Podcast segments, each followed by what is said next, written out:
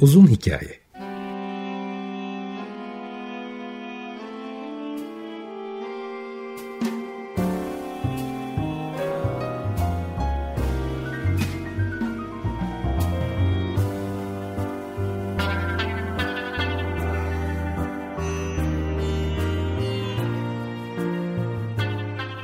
Hazırlayan ve sunan Muzaffer Çorlu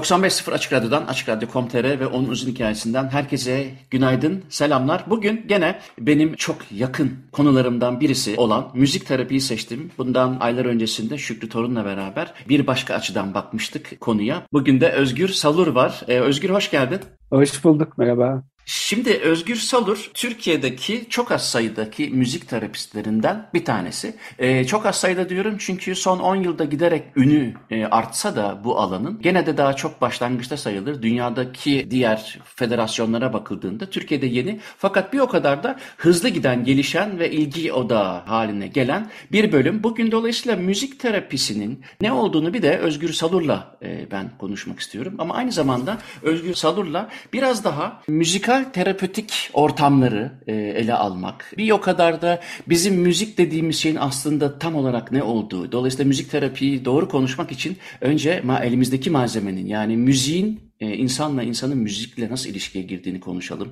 Hatta insanın bedeniyle olan ilişkisinde de bunun ne kadar önemli bir hal aldığı keza müzik terapisinde beden perküsyonunun da bu nedenlerle çok önemli bir yer kapladığını biliyorum. Şimdi senin e, müzikterapiakademisi.com sitesi aktif canlı bu arada bütün bu konularla ilgili merakınız olursa o siteyi gezip epey bir bilgilenmeniz mümkün. O siteye girer girmez de şeyi gördüm. Müzik iyileştirir yani böyle dakika evet. bir gol bir vardır ya onun gibi. Neden evet. müzik iyileştirir konusuna buradan girelim. Bu konuda aslında birçok farklı bakış açısı var. Yani mesela e, sinir sistemine baktığımızda müziğin sinir sistemine, beyine e, çok fazla noktadan etki ettiğini görüyoruz. E, galiba senin de e, tanıdığım Petri Toivainen var şeyde Finlandiya'da, Jyväskylä'da. Onların öyle çok güzel bir araştırması var. Şeyden de YouTube'dan da bulmak mümkün olabilir. fMRI makinesine sokuyorlar. Bir tango dinletiyorlar. Yanılmıyorsam 12 kişiyi. Ve o tango sırasında beyinlerinde nereler aktive olmuş, nereler deaktive olmuş. Buna bakıyorlar ve üst üste koyuyorlar. Ve görüyoruz ki beynin içi, dışı, sağı, solu, önü, arkası, altı her yerinde bir hareketlilik var. Böyle bir perspektiften baktığımızda e, bu sebeple olduğunu söyleyebiliriz. Bildiğimiz uyaranlar içinde aynı anda en çok yere etki eden uyaran e, müzik deniyor. Diğer perspektif, sosyolojik perspektiflerden bakınca, etnomüzikolojik perspektiflerden bakınca görüyoruz ki daha dil icat olunmadan müzik dünyanın her yerinde, her kıtada sağlık çalışmalarında, sosyal e, birlikteliği güçlendirmede, işte e, bir hayvan avlanacaksa o e, birlikteliği sağlamada ya da hayvandan kaçılacaksa hep müzik ve sesler, müzik ve müziğin bileşenleri demek daha doğru olur, kullanılmış. Biliyoruz ki e, bazı kültürlerde doktorlar ve rahiplerin müzik de, dersi alması gerekiyormuş eğitimleri sırasında. Antik Mısır'da mesela. Ama Antik Mısır, Antik Yunan, Babil, Antik Çin, Amerika kıtası hepsinde böyle kalıntılar görüyoruz. Bizim hani Türk İslam sentezi gibi düşündüğümüzde Türkiye e, Cumhuriyeti e, kültürünü hem Türk kültüründe var. Baksılar, Şamanlar, Altaylardan ilk olarak 600'lü senelerde e, den kalıntılar biliyoruz. Hatta orada ilk olarak doğaçlama kullanılmış. Doğaçlamanın ilk olarak kullanıldığı orada olduğu varsayılıyor. Bir yandan da İslam kültüründe var ve Türk İslam e, birleşmesinde de birçok bugün yayın diyebileceğimiz edvarlar, bugünkü journal'a da gelen 26 edvar edvar yazılmış. 9. yüzyıldan 19. yüzyıla kadar. Tabii bunların incelenmesi, araştırılması çok önemli, çok altyapı hakkında bize bilgi verebilecek şeyler. E, e buna da baktığımızda görüyoruz ki müzik sıkça kullanılmış ve kullanılmaya devam ediyor ve güveniliyor. Hatta mitolojilerde mesela Kuzey Avrupa mitolojisinde, mesela Antik Yunan mitolojisinde, Kuzey Avrupa mitolojisinde iki tanrı var. Bragi ile Idun, baba kız bunlar. Baba Bragi arp çalıyor, kız birlikte dolaşıyorlar. Kızı Idun da ölümsüzlük elması dağıtıyor onunla mesela. Sonra antik e, Yunan'da e, hem müzik hem e, tıbbın tanrısı olan Apollo'yu görüyoruz mesela.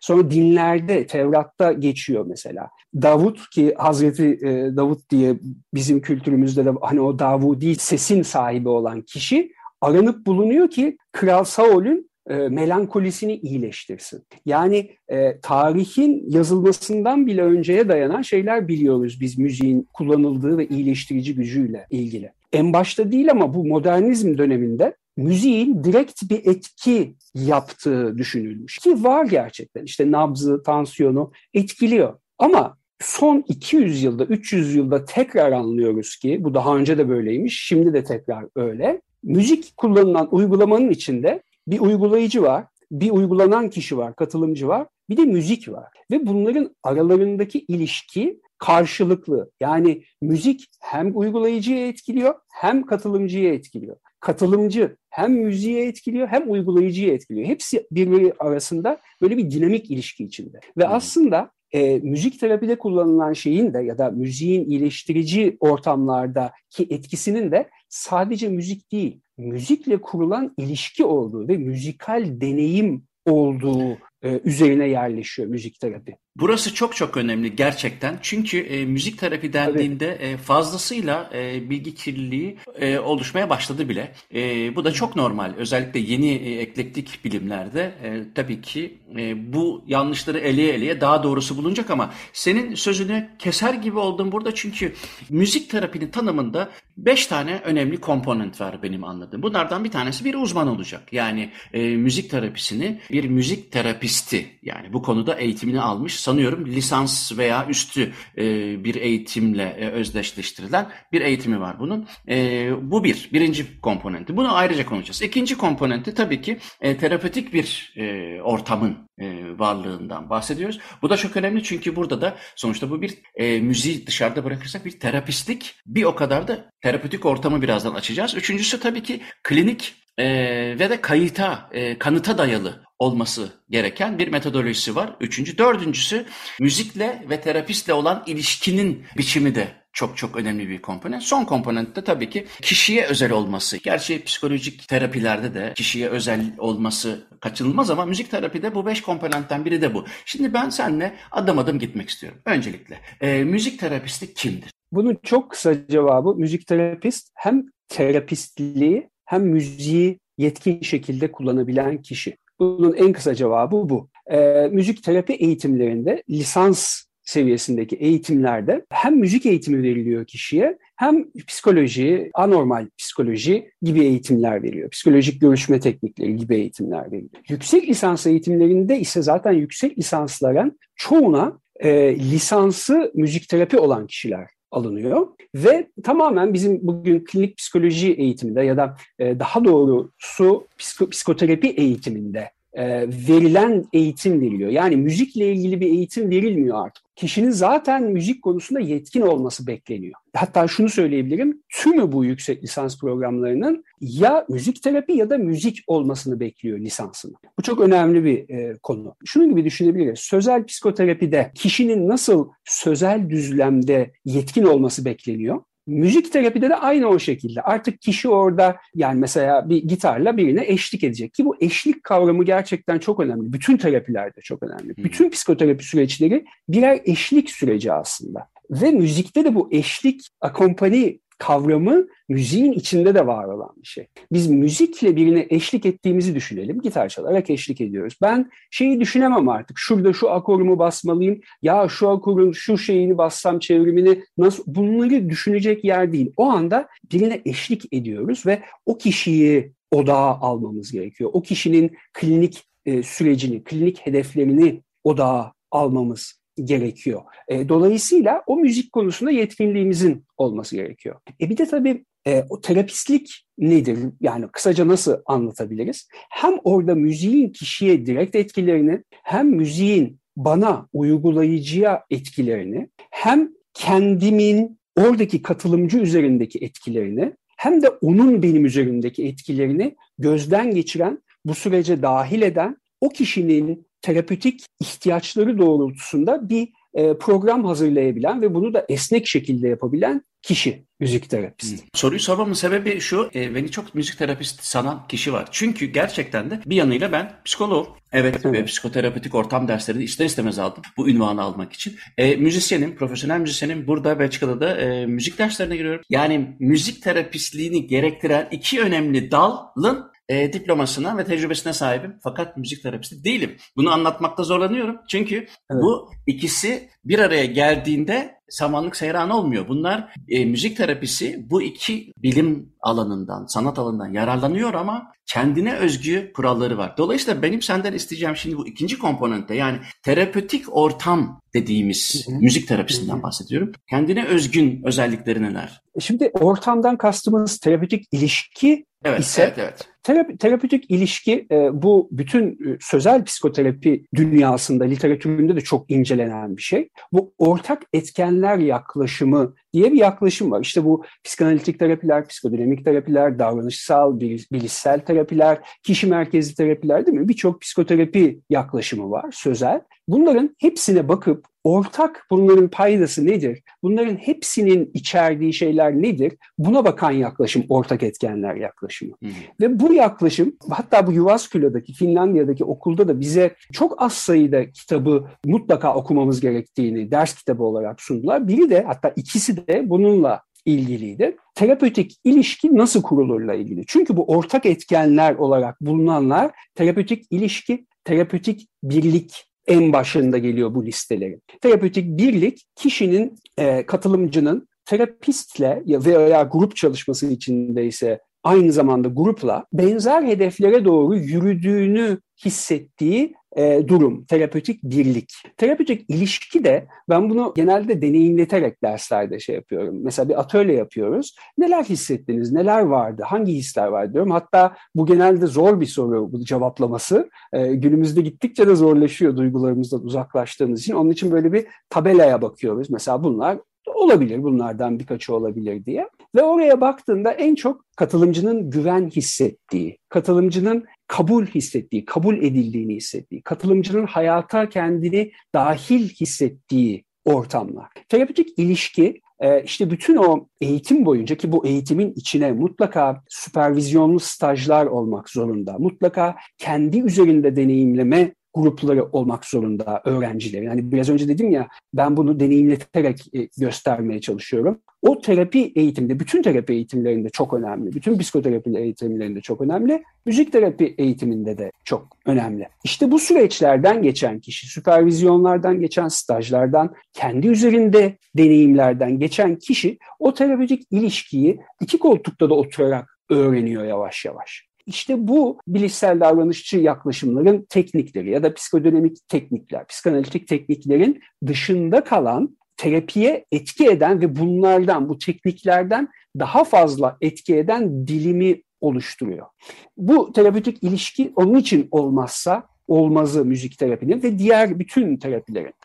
Şimdi bu müzik terapisi nedir tanımlayan e, Amerikan Müzik Terapi Birliği mi? Tabii çok tanım var. E, ben o, o tanımı seviyorum. O tanım üzerinden gitmeye çalışıyorum. O, evet. Senin sitende de e, o ilgimi çekti. Komponentleri de güzel. Yani bileşenleri iyi. Kişiye özel. Onu da çok kısaca açalım. Kişiye özel. Nedir yani? Herkesin farklı müzik zevkinden mi bahsediliyor? Yoksa evet. da kişinin psikoterapiste danışma sebebine bağlı olarak bir metodolojiden mi bahsediliyor? İkisi de. İlkine ele alalım. Mesela bir ney sesi. Ney sesi bazı kişide ulvilik, ölümsüzlüğü çağrıştırır. Bazı kişide ölümü çağrıştırır. Hı hı. Müzik çok güçlü bir uyaran. Ve işte hani biraz önce dedik ya beynin her tarafına etki ediyor. Birçok şeyi tetikleyebiliyor, birçok şeyi çağrıştırabiliyor. Dolayısıyla kişiye özel şeyleri kullan. Mesela heavy metal müzik. Heavy metal müzik e, bir kişiye çok sert gelebilir ve terapide kullanmak istemeyebilir katılımcıdan bahsediyorum. Terapistten bahsetmiyorum. Terapist katılımcı odaklı buna karar vermek zorunda. E, halk müziğini bir kişi çok sevebilir. Hatta öyle bir araştırma var. Türkiye'de en çok dinlenen müzik halk müziği mesela. Halk müziğini çok sevebilir. Bir kişi hiç sevmeyebilir. Bir kişi batı klasik müziğini çok sevebilir. Bir kişi hiç sevmeyebilir. Benim mesela Çapa'da tez döneminde yaptığım bir grup çalışması vardı. Bu grup çalışmasında bir katılımcı arabesk dinlemeyi seviyordu. Başka bir katılımcı 70'ler kişiler Türk rock'ı dinlemeyi seviyordu. Aynı gruptan bahsediyoruz. Bir kişi ben e, modern klasik müzik, 20, 21. yüzyıl klasik müziği dinlemeyi ve daha çok anlamayı istiyorum diyordu. Bakın aynı grupta bunların hepsi. Ve bu çeşitlilik aynı zamanda bizim için bir zenginlik terapi ortamında. Ama şeyi de ne kadar gösteriyor? Yani orada yapacağımız uygulamada ne kadar hassas olmamız gerektiğini de gösteriyor e, terapist olarak. Ve herkesin bir tanı aldıysa mesela bu grubun bir tanısı vardı. Şizofreni tanılı kişilerden oluşuyordu ve şizofreni bağlamında yüksek işlevsellik sahibi olmak, düşük işlevsellik sahibi olmak gibi e, tanımlar kullanılabiliyor. E, burada buna dikkat etmek gerekiyor. Bir kişinin amacı tek başına oraya gelip gidebilmek olabiliyor. Bu ben hep sorarım terapilerin başında, terapi süreçlerinin. Siz bu süreçten ne elde etmek istersiniz? Bir kişi diyor ki ben buraya tek başıma e, gelip gitmeye çalışıyorum ama hep durağa kaçırıyor. Ben durağı kaçırmak istemezdim. Bir kişi işte bunu söyleyebiliyor. Başka bir kişi ben müziği daha derinlemesine keşfetmek ve modern müzikleri 21. yüzyıl müziğin dinleyebiliyor olmak istiyorum. Bundan zevk. Herkesin farklı hedefleri olabilir. E, ve terapistin bunlara yönelik çalışıyor olması gerek. Şimdi e, müzik terapi seansı neye benzer? O örneği de konuşup insanlarda daha fazla bir kristalizasyon yaratmak istiyorum ama bir senin seçtiğin tamam. bir e, müzik arası. E, Belçikalılardan bir bir şey seçeyim dedim ve biraz da çocukluğumdan seçmek istedim. Technotronic Pump Up The Jam. Tamam sıra devam edelim. Pump Up The Jam adlı şarkıdan sonra müzik terapisti Özgür Sadur'la birlikte sohbetimize devam ediyoruz. Biraz önce müzik terapistliği nedir? Neye benzer? Hangi bileşenlerden oluşur? Birazcık konuşmaya başladık. Bu arada senin sitende gene onu tekrar hatırlatayım. E, müzik terapi akademisi.com'da. Daha önceden rastladığım bir e, grup vardı. Daha doğrusu bir e, enstitü galiba. Nordoff Robbins değil mi? Evet. Ee, onların yaptığı çalışmalarda tesadüfen birkaç sene önce YouTube'da denk gelmiştim. Orada daha çok tabii otizm spektrumdaki çocukların ağırlıklı olduğunu görmüştüm. Hala öyle mi bilmiyorum. Bu konuda spesifik olarak bir rahatsızlık durumu, hastalık durumu ya da bir farklılık var mı? Özellikle müzik terapinin uygulanması gerektiği. Mesela şimdi müzik iyi gelir, iyileştirir falan ama bunun farklı farklı boyutları var. Kendini iyi hissetmeyen birisinin, depresif birisinin depresif bir müzik dinleyerek kendini yalnız hissetmemesi de bir güzel bir şey olabilir. Aynı zamanda işte her bir e, makama göre bir hastalık bile tanımlanmış internette var. Bunlar ne kadar bilimsel, e, ne kadar doğruyu gösteriyor. Yani dediğim gibi çok fazla bilgi kirliliği var. Dolayısıyla da müzik terapisi dendiğinde akla hemen şu gelmemeli değil mi? Sen bir müzik terapisti olarak söyle. Ben bir kognitif müzikolog olarak söylüyorum. Böyle bir elimizde bilgi yok. Yani sabah makamının e, depresyona iyi geldiği, nihavent makamının işte obsesif kompulsif bozuklukları düzelttiği gibi bir bilgi henüz yok. Böyle bir kanıta dayalı bir çalışma yok. Fakat hangi durumlarda müzik terapisinin e, iyileştirici özelliği beklenebilir? Hani biraz önce bazı psikoterapi yaklaşımlarından bahsettik. Psikanalitik, psikodinamik, bilişsel davranışçı, e, kişi merkezli. Bunların hepsinin müzik terapide karşılığı var. Bir okulda müzik terapist olma yolunda e, adım atan bir öğrenci bir müzik terapist adayı ya psikodinamik müzik terapi öğrenir, psikanalitik müzik terapi öğrenir. Nordoff Robbins de yaratıcı müzik terapi olarak, kreatif müzik terapi olarak adlandırılan bir okul. Şimdi bazen aynı sorunlara diyelim eğer sorun bakış açısıyla bakıyorsak ya da gelişim bakış açısıyla bakıyorsak. Kelimeyi sen seç. E, ben e, o kelimeyi e, doğru seçmemiş olabilirim. E, ben yani bunu bir zenginlik olarak görüyorum. Bazı kişi, bazı bilim e, kulları e, o şekilde bakarak bir e, katkı sunar. Bazı bilim kulları o şekilde bakarak katkı sunar. Şimdi müzik terapi yaşamın ilk anından son anına kadar uygulanabilen bir yaklaşım. Hatta hep şey diyorum yani hamile annenin bebeğiyle karnındaki bebeğiyle kurduğu ilişkiden başlıyor müzik terapi çalışmaları. Yani artık hani yaşamın ilk anı derken doğumdan öncesinden bahsediyorum. Sonra yeni doğan yoğun bakım ünitelerinde erken doğan bebeklerle, çocuklarla, ergenlerle, yetişkinlerle, tanı alan kişilerle, yaşam sonunda yaşlılarla, e, tam o yaşam sonu anında hospis bakımında, palyatif bakımda her yerde müzik terapinin uygulandığını görüyoruz. Şimdi buradan e, her yaklaşım kendi perspektifinden bakarak bir şey uyguluyor. Yaptığı uygulamayı psikodinamik çerçeveye göre bak bakarak söylüyor. Davranışçı çerçeve, davranışçı çerçeveye göre bakarak söylüyor. Ama mesela çocuklarla, otizmli çocuklar örneğini verdin ya, otizmli çocuklardan yola çıkarak bakarsak otizmde en çok geliştirilmeye çalışılan şey iletişim. Yani bu iletişim eşteş bir e, kelime. E, hem mesaj vermeyi hem mesaj almayı eğer mümkünse konuşmayı, kurmaya çalışıyor. Böyle adım adım adım adım ilerliyor. Bunu davranışçı müzik terapisti de böyle yapıyor. Nordorf Robbins müzik terapisti de böyle yapıyor. Psikodinamik müzik terapisti de böyle yapıyor. Sadece yaklaşımında bazı farklılıklar olabiliyor. Şimdi dünyadaki bilimsel araştırmalara baktığımızda 46 ayrı grupla çalıştığını görüyoruz müzik terapistlerin ve sadece sağlık ortamlarında da değil. Okullarda çalışıyor müzik terapistler, e, bakım evlerinde çalışıyor müzik terapistler, huzur evlerinde çalışıyor müzik terapistler, kendi kliniklerinde çalışıyor müzik terapistler, tutuk evlerinde çalışıyor müzik terapistler. Yani sadece sağlık perspektifinin içinde de değil müzik terapi. Ben dinleyicilerin adına sormuş olayım bunu. Hangi Tabii. derde derman olmaktır? Cevap veriyorsun. Doğmadan önce hatta e, öldükten sonra da e, Nas ritüel, ritüeller açısından bak, bakacak olursak. Fakat e, derde derman olma açısından bakıldığı zaman daha dün diyeyim yeni bir e, makale gördüm. Ağrının müzik terapiyle eşiğinin yükseltilmesi hedefleniyor. Bunun dışında e, hafıza güçlendirmek için yapılan çalışmalar var. Müziğin e, insana kişiden kişiye değişen yararları başka bir şey. Evet. Müziği kullanarak o kişi de e, amaçlanan hedefe gitmek için onu bir metodoloji olarak kullanmak başka bir şey. Dolayısıyla senden şimdi istediğim e, şey şu. Bunun bilimselliği çünkü e, komponentlerden birisi yani müzik terapisini müzik terapi yapan şeylerden bir tanesi klinik ortam, klinik müdahale ve kanıta dayalı bir hı hı. E, metodoloji var. Şimdi bunu hı hı. biraz açalım ve dolayısıyla da bu işin bilimselliğini e, bir ele alalım. Tamam aslında bütün sanat terapileri içinde dünyada en fazla kanıt toplanmış e, yaklaşım müzik terapi. Biraz da basitleştirerek anlatmaya çalışıyorum. E, bu randomize kontrollü çalışmalar var. Yani rastgele bir gruba e, rastgele ayrılmış kişilerin bir grubuna müzik terapi uygulaması yapılıyor, bir gruba yapılmıyor ve aradaki değişim farkına bakılıyor. Bu e, tıpta altın standart olarak kabul edilen iyileştirme pratiklerinde altın standart olarak kabul edilen yaklaşım. Bunun belki bir üst seviyesi diyebileceğimiz meta analizler var. Yani işte 30 kişiyle yapılan bir çalışma diyelim ki Almanya'da var. ABD'de de 30 kişiyle yapılan bir çalışma var. Japonya'da da 60 kişiyle yapılan bir çalışma var. Meta-analiz yöntemiyle bunlar bir araya getirilip 60, 30, 30, 120 kişilik bir grup e, olarak değerlendirilebiliyor. Ve bunlar meta-analizleri oluşturuyor. Meta-analitik boyutta değerlendirilen e, ve Cochrane çalışmaları Cochrane çok büyük bir enstitü dünyada. E, sağlık politikalarına yön veren bir enstitü. Meta-analizler var. Cochrane taramaları var.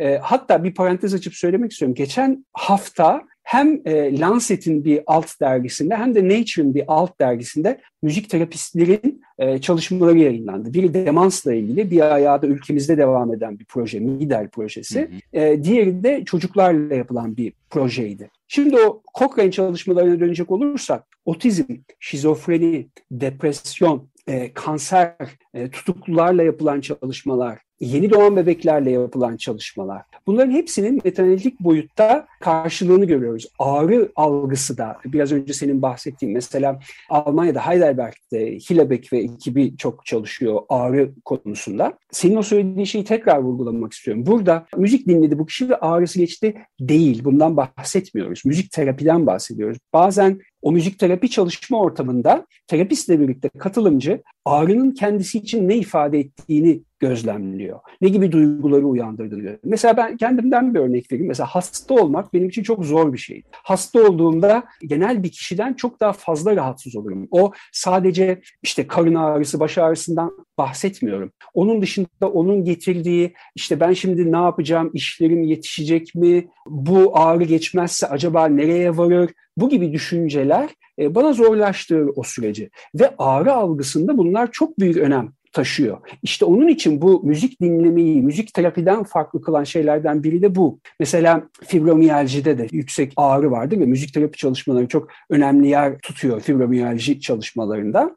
E, çünkü orada da bir ağrı var e, ve fibromiyalji tanısı alan birçok kişinin de kendini feda eden kişiler olduğu, kendini böyle tanımlayan kişiler olduğunu görüyoruz bu çalışmalarda. O kişilerin mesela müzik terapi ortamında kendilerini ifade etmeleri, yaşadıkları zorlukları paylaşmaları, e, normal hayatında yapmadığı ağrı algısını e, yani o eşiği yükseltiyor. Dolayısıyla ağrı daha az algılanmaya başlıyor. Yani bunu bir kompleks bir konu olarak ele almak gerekiyor. Müzik dinledi ve o ağrı düştü değil. Ha bu arada şu da olur. Gerçekten sevdiği bir müzik dinlediğinde kişini kişi daha az ağrı hissedebilir. Bu müzik, müzikle kurduğu ilişkiden geliyor olabilir. Müzik onu çocukluğundaki bir anıya götürüyor olabilir. Technotronics benim çocukluğumda sevdiğim bir şeydi. Mesela onun için paylaştım. Hafıza çok önemli e, müziğin yarattığı etkide. Veya tamamen şey olabilir. O ortamdan o kişiyi çıkarma. Mesela doğum anında bazı müzik dinletme çalışmalarında mesela ebeler yapabiliyor bunu. Buna müzik tıbbı çalışmaları deniyor. E, müzik terapiden farklı bir kulvar bu. E, burada mesela e, müzik dinleyen kişi o anki doğum anından anne adayı e, uzaklaşıyor, başka bir yere gidiyor. E, ve o kişinin ağrısında, ağrı algısında azalma görülüyor. Yani sadece müzik terapi ağrı algısını azaltır diye bir şey söz konusu değil. Hı hı. Müzik terapi ayrı bir kul var. Hatta bununla yapılan e, bir çalışma var bununla ilgili. Bu kanser çalışmalarında büyük bir gruba bakılıyor. Bir gruba müzik terapi uygulanmış, bir gruba e, müzikal müdahaleler uygulanmış. Ve burada farklı olarak mesela müzik terapi grubunun hayat kalitesinde de artış gözlemlediği görülüyor. Ama müzik kullanılanda da ağrıda azalma olmuş, e, bağlarda, iletişimde azalma olmuş. Türkiye'de bir ayağı olan Middel projesi dedim. E, demans üzerine yapılan bir proje bu. E, 6 ülkede aynı anda gerçekleşiyor bu şu anda dünyada. Çok en büyük müzik terapi projelerinden biri. Ve burada müzik terapi ve müzikal müdahaleler, koro çalışmaları gruplarının karşılaştırılması yapılıyor şu anda. Ülkemizde de hem koro çalışması yapılıyor, bazı e, demans tanısı almış ve depresyon semptomları gösteren huzur evinde kalan kişilere hem de ayrı bir müzik terapist tarafından başka gruba müzik terapi çalışması yapılıyor. Bir gruba da hem müzik terapi hem koro çalışması yapılıyor ve bunların sonucuna bakılacak. Zaten bu Lancet'in işte alt dergisinde yayınlanan çalışma da bununla ilgiliydi. Şimdi bir müzik daha dinleyelim. Ondan sonra tamam. biraz daha somut noktalarım var. Not aldığım onları soracağım. Ne dinleyelim? Yine çocukluğuna mı gideceğiz bu sefer? Biraz daha yakın döneme gidelim. Ne dersin? Hadi yakın döneme gidelim ama yine yine Belçika. E, Stromae, Carmen. Müzik terapist Özgür e, Salur'la birlikte bugün müzik terapisi nedir, ne değildir, e, hangi derde derman olmaktadır, nasıl bir bilimselliği vardır, e, müzik medicine ya da müzik tıbbı olarak bilinen müzikoloji ve rehabilitasyon diye de bilinen diğer dallarla ayrımı nedir? Birazcık onu konuşmaya başladık. Anlattıklarından üç tane farklı kategoride e, şey seçtim. Bir, dedin ki kanser durumlarında, iki tutuklularla, üç de e, yeni doğan. Üç benzemezi. E, müzik Çok terapi e, şeyinde seçelim ve nasıl bir uygulama e, yapılabilir ve amacımız ne? Evet, çok güzel oldu böyle birbirinden üç uzak alan seçmiş olmak. Yeni doğan bir bebekle mesela yapılan çalışma. Genelde şimdi burada iki ayrı çalışma olabilir. Mesela biri yoğun bakım ünitesinde bir çalışma. Yoğun bakım ünitesine hiç girdiysek yani bebek olması olmak zorunda değil. Oranın çalışma şartları, oranın daha doğrusu yaşam şartları e, dış dünya gibi değil. İşte sesler var, e, devamlı bir gelip gitme var, ilaçlar veriliyor, işte elektronik cihaz sesleri, elektronik e, cihaz serumlar, sesleri. evet evet. Çok bambaşka Şimdi bir habitat. Mesela, Evet. Burada mesela çevresel müzik terapi uygulaması uygulanıyor. Mesela New York'ta e, Beth Israel e, Mount Sinai Sağlık Merkezi'nde Louis Armstrong Müzik Tıbbı Merkezi buranın ismi. Hmm. Orada mesela bir gitarist, klasik gitar çalan, daha doğrusu naylon telli gitar çalan diyelim biz ona. E, bir gitarist doğaçlama oradaki çevresel sesleri biraz daha insani, biraz daha yani insancıl, biraz daha estetik hale getirecek bir doğaçlama yapıyor. O doğaçlamanın içinde o seslerin ritmik dokusunu, o seslerin tonunu dahil ediyor buna. Mesela bu buradaki bebeklerin birçok yaşamsal fonksiyonunu iyileştiriyor. Solunum gibi, namız gibi. Yani iyileştirdiği düşünülüyor diyebiliriz. Hayır, hayır bununla ilgili hayır hayır bununla ilgili Öyle toplanmış mi? kanıt var. Tabii tabii tabii. Yani benim bu konuşmada söylediğim her şey kanıta e, dayalı şeyler. Tamam. Yine erken doğmuş bebeklerle yapılan, anneleriyle yapılan çalışmalar var. Bu sefer yoğun bakımdan çıktık. Şimdi burada e, amaçlanan şey mesela anne kucağında bebeği. Zaten e, buradaki artık çalışmamızın odağı e, bizim bebeğe bir şey hissettirmemizden çıkıyor. Biz terapist olarak hiçbir zaman annesinin bebeğe sunabileceği şeyleri sunamayız. Dolayısıyla burada bizim amacımız artık anne ile bebeğin o bağını kuvvetlendirmek haline geliyor. Şimdi anne ile bebeğin ilk baştaki zaten artık e, annelerin hemen kucağına veriliyor çocuk doğar doğmaz. O ilişki zaten evrimsel biyolojik olarak bakıldığında milyonlarca yıl geriye giden bir bağ. Ses çıkartarak zaten annesinin sesine ve titreşimlerine alışık olan, alışık olan bebek kendisini daha güvende hissediyor olabilir. Müziğin bilhassa bu gücü e, daha doğrusu bu etkileşimdeki gücü arttırmak gibi bir müdahaleye neye ihtiyaç duyuluyor. Çünkü zaten o bizim doğamızda olan bir şey. Uyutmak için verdiğimiz sesler, ninniler, 8 bin yıllık kayıtlar var ninnilerle ilgili. Demek ki bunu çok kullanıyoruz. Evet. Ama orada bizim atladığımız, unuttuğumuz bir şey mi var ki tekrar hatırlatıcı bir e, rol üstleniyor orada müzik. Çok yerinde bir soru oldu bu. Evet mesela şimdi bazı anneler ninni söylemeyi çekiniyor hastane ortamında. Biz Hı. orada müzik terapist olarak e, elimizde Geri de, kazandırma e, yani aslında. O noktada öyle ama mesela şunu da yapıyoruz orada. Mesela o annenin müzikal yeteneği olmak zorunda değil. Bir annenin ninni söylemesi için müzikal bir altyapısının olması gerekmiyor. Ve dolayısıyla çekinebiliyor. Biz ona yetkin olarak çaldığımız enstrümanımızla e, ve o terapötik yaklaşımımızla kurduğumuz terapötik ilişkiyle onu yapabileceği ortamı sunuyoruz. Mesela diyoruz ki sevdiğiniz bir parça söyleyin diyoruz. Söylüyor. İşte e, bu, bununla ilgili çok güzel bir video var. Bu New York'taki New York Times e, yayınlamıştı bunu. İnternette bulunabilir. E, Beatles'ın bir parçasını söylüyor anne. Müzik terapist o Beatles'ın parçasını alıyor temposunu yavaşlatıyor. Yani yavaşlatıyor parçayı.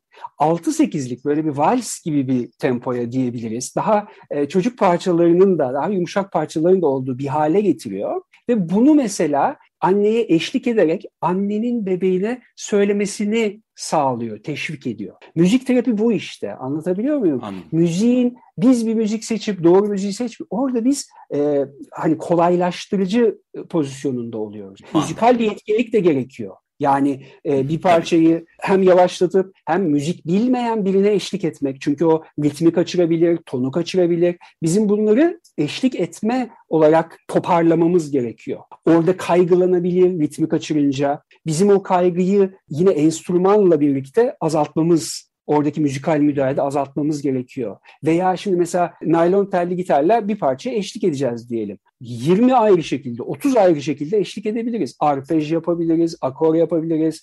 Arpejde 2-3 tel aynı anda yapabiliriz, yapmayabiliriz. 2 telle eşlik edebiliriz. Bunların hepsini yerine göre kullanabiliriz biz. Ve kullanabiliyor olmalıyız müzik terapist olarak. Tamam, yeni doğanda olan ilişkiyi anlat. İkinci, tutuklu. Tutuklu çok ilginç bir alan. Benim çalıştığım bir alan değil. Bu üçü de benim aktif olarak çalıştığım alan değil. Ama kullanım alanlarıyla evet. ilgili bir fikir vermesi Tabii. için birbirinden değişik Tabii. örnek seçtim. Şimdi mesela iki ayrı e, gruptan bahsedebiliriz burada da. Bir, o tutuk ortamında suça karışmış bireylerle yapılan çalışmalar e, deniyor buna ve e, tutuk ortamındaki e, zorlukları azaltmak, sosyalleşmeyi çoğaltmak. En zor alanlardan biri bu arada tutuk evinde çalışmak. Benim okuduğum kadarıyla tecrübelerinden müzik terapistlerin. Çünkü orada müzik bir de şey olarak görülebiliyor. Yeteri kadar sert ve oranın zorluklarını taşıyabilecek bir mevhum olarak görülmüyor. Yumuşak bir mevhum olarak görülüyor mesela müzik. Mesela orada rap müziği tercih edebiliyor katılımcılar. E, yurt dışındaki örneklerden bahsediyorum. O zaman rap müzikle kişinin kendini ifade edişi, orada yaşadığı zorlukları ifade edişi, bir kimlik buluşu, orada bir tutuklu diğer kişiler arasında bir kimlik buluşu. Bu gibi şeylerle çalışılıyor. Bir de mesela hemen tahliye öncesi Şimdi düşünün orada 10 yıl tutukluk aldınız ve dışarı çıkacaksınız. Bunun yarattığı çok büyük bir kaygı var. E, Birçok tutuklu çıkmak istemiyormuş mesela. Ama e, çıkacak. Şimdi buna hazırlık için mesela böyle protokoller geliştirilmiş. 8 haftalık, 6 haftalık protokoller gerçekleştirilmiş, ortaya çıkarılmış ve bununla işte o, e, çıkacak olan kişiler bir arada karşılaşabilecekleri zorluklar e, ifade ediyorlar. E, ve buna ne gibi mesela orada şarkı yazma uygulaması uygulanabiliyor. Ve mesela şarkının kıtaları işte ilk kıta çıkınca karşılaşabileceğim zorluklar. İkinci kıta e, bu zorluklarla nelerle ne şekilde mücadele. Üçüncü kıta bu mücadele sırasında bana destek olabilecekler kimler? Burada müzik terapist o kolaylaştırıcı rolünü yine oynuyor ve ortaya bir müzik çıkartıyor. Müziği yapıyor, besteyi yapıyor. Tabii orada mesela melodi önerileri veriyor e, katılımcılara. Diyorlar ki bu melodi olsun. İşte nasıl bir havası olsun? Şöyle. Ya da işte belki işte rap olsun yani elektronik altyapısı olsun. Veya elektronik olmasın gitarla olsun altyapısı. Veya diyelim ki bizim hapishanemizde, tutuk evimizde böyle bir çalışma yapacaksak bağlama olsun ve başka bir havada olsun karşılaşacağımız şey. Belki daha hüzünlü olsun, belki daha öfkeli olsun. Orada ne gerekiyorsa ve müzik terapistin de bunları sağlayabilecek müzikal yetkinlikte olması gerekiyor. Hı hı. İşte burada da o kaygı boyutuyla, dışarıya çıkmayla ilgili kaygı, oradaki o mücadeledeki e, psikolojik esnekliği destekleyici şeyleri keşfetmek, psikolojik kaynakları keşfetmek. Bunlara yoğunlaşıyor mesela müzik terapi çalışması. Kanser? Kanserde e, tabii kanserin çok büyük evreleri var. Yani çok fazla evresi var pardon. Mesela ilk öğrenilen andaki şaşkınlık yine kaygı çok büyük. O kadar büyük yani hayatını kaybetmek de söz konusu olabilir.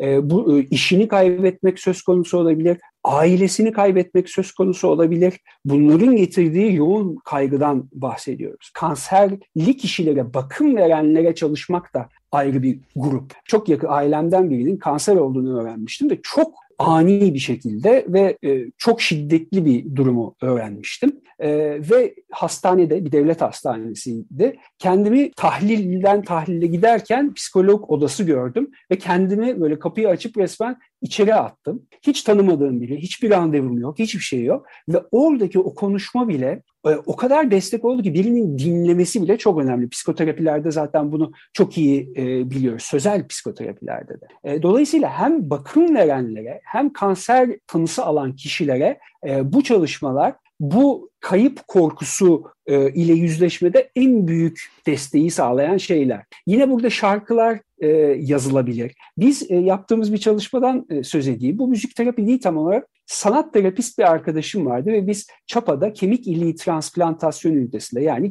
kan kanseri denen, e, lenfoma denen hastalıkla zorluk yaşayan bir genç 20 yaşlarında bir gençle çalışıyorduk. Ben orada o zaman asistandım ve e, müzik yapıyordum.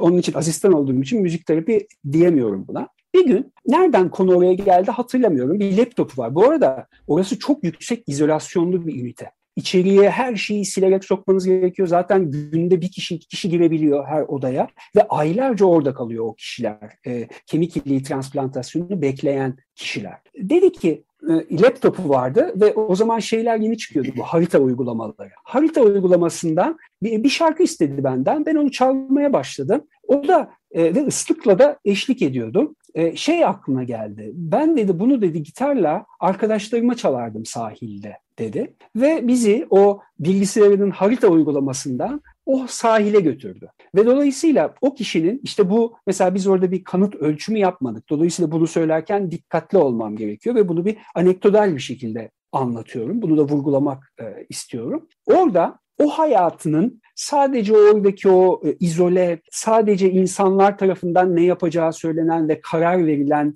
e, durumdan ibaret olmadığını deneyimledi. Ve ardından bizim o terapi çalışmalarımıza daha çok katılmaya başladı. Bu da bizim mesela terapistler açısından e, hani yazıya bazen dökeriz bazen dökmeyiz bunu ama kişinin terapiye devamı çok önemli bir şeydir, göstergedir terapiden faydalanıyor olup olmadığıyla ilgili. Ve terapiye devamı arttı bu kişinin. Şimdi üç farklı boyutta ama yani aşağı yukarı benim en çok anladığım tabii ki müziğin gene özellikle sosyalleşmeyle e, çok ilişkilendirildiği, buna bağlı olarak yapılan çalışmalarda, fizyolojik çalışmalarda oksitosin hormonunun en yüksekçe salındığı şeylerden birisinin aynı anda beraber müzik yapmak hatta hareket de burada önemli. Son konu olarak da dolayısıyla buradaki harekete geleyim. Benim üzerinde çok çalıştığım alan sen de biliyorsun ki Embodied Music Cognition. Bu benim ana konum. O yüzden de en sona bıraktım. Şimdi e, bizim meşhur bu 50 bin 60 bin yıl öncesine tarihlenen flüt tartışmasını biliyorsun. Dolayısıyla bizim çok çok yıllar öncesinde kognitif kırılmayla beraber müzik yapmaya başladığımız söylenirse ondan çok daha öncesine giden vurmalı sazlar var. Aslında vurmalı sazlar için vurmalı bir saza da ihtiyaç yok. İnsanın bedeni bilhassa hem kendisi tokmakları hem de davulun derisi de kendi derisi olabiliyor. Kendi bedeni olabiliyor. Dolayısıyla bazı memelilerde orangutanlardan bonomolara kadar birçok farklı göğüs kafesine vurarak çıkarttığı seslerde bir sürü mesajın gizlendiği e, ortaya konulmuş. Bu çalışmalarda ben geçenlerde hayvanlar ve müzik yaptığım zaman biraz anlatmaya çalıştım. İlginç.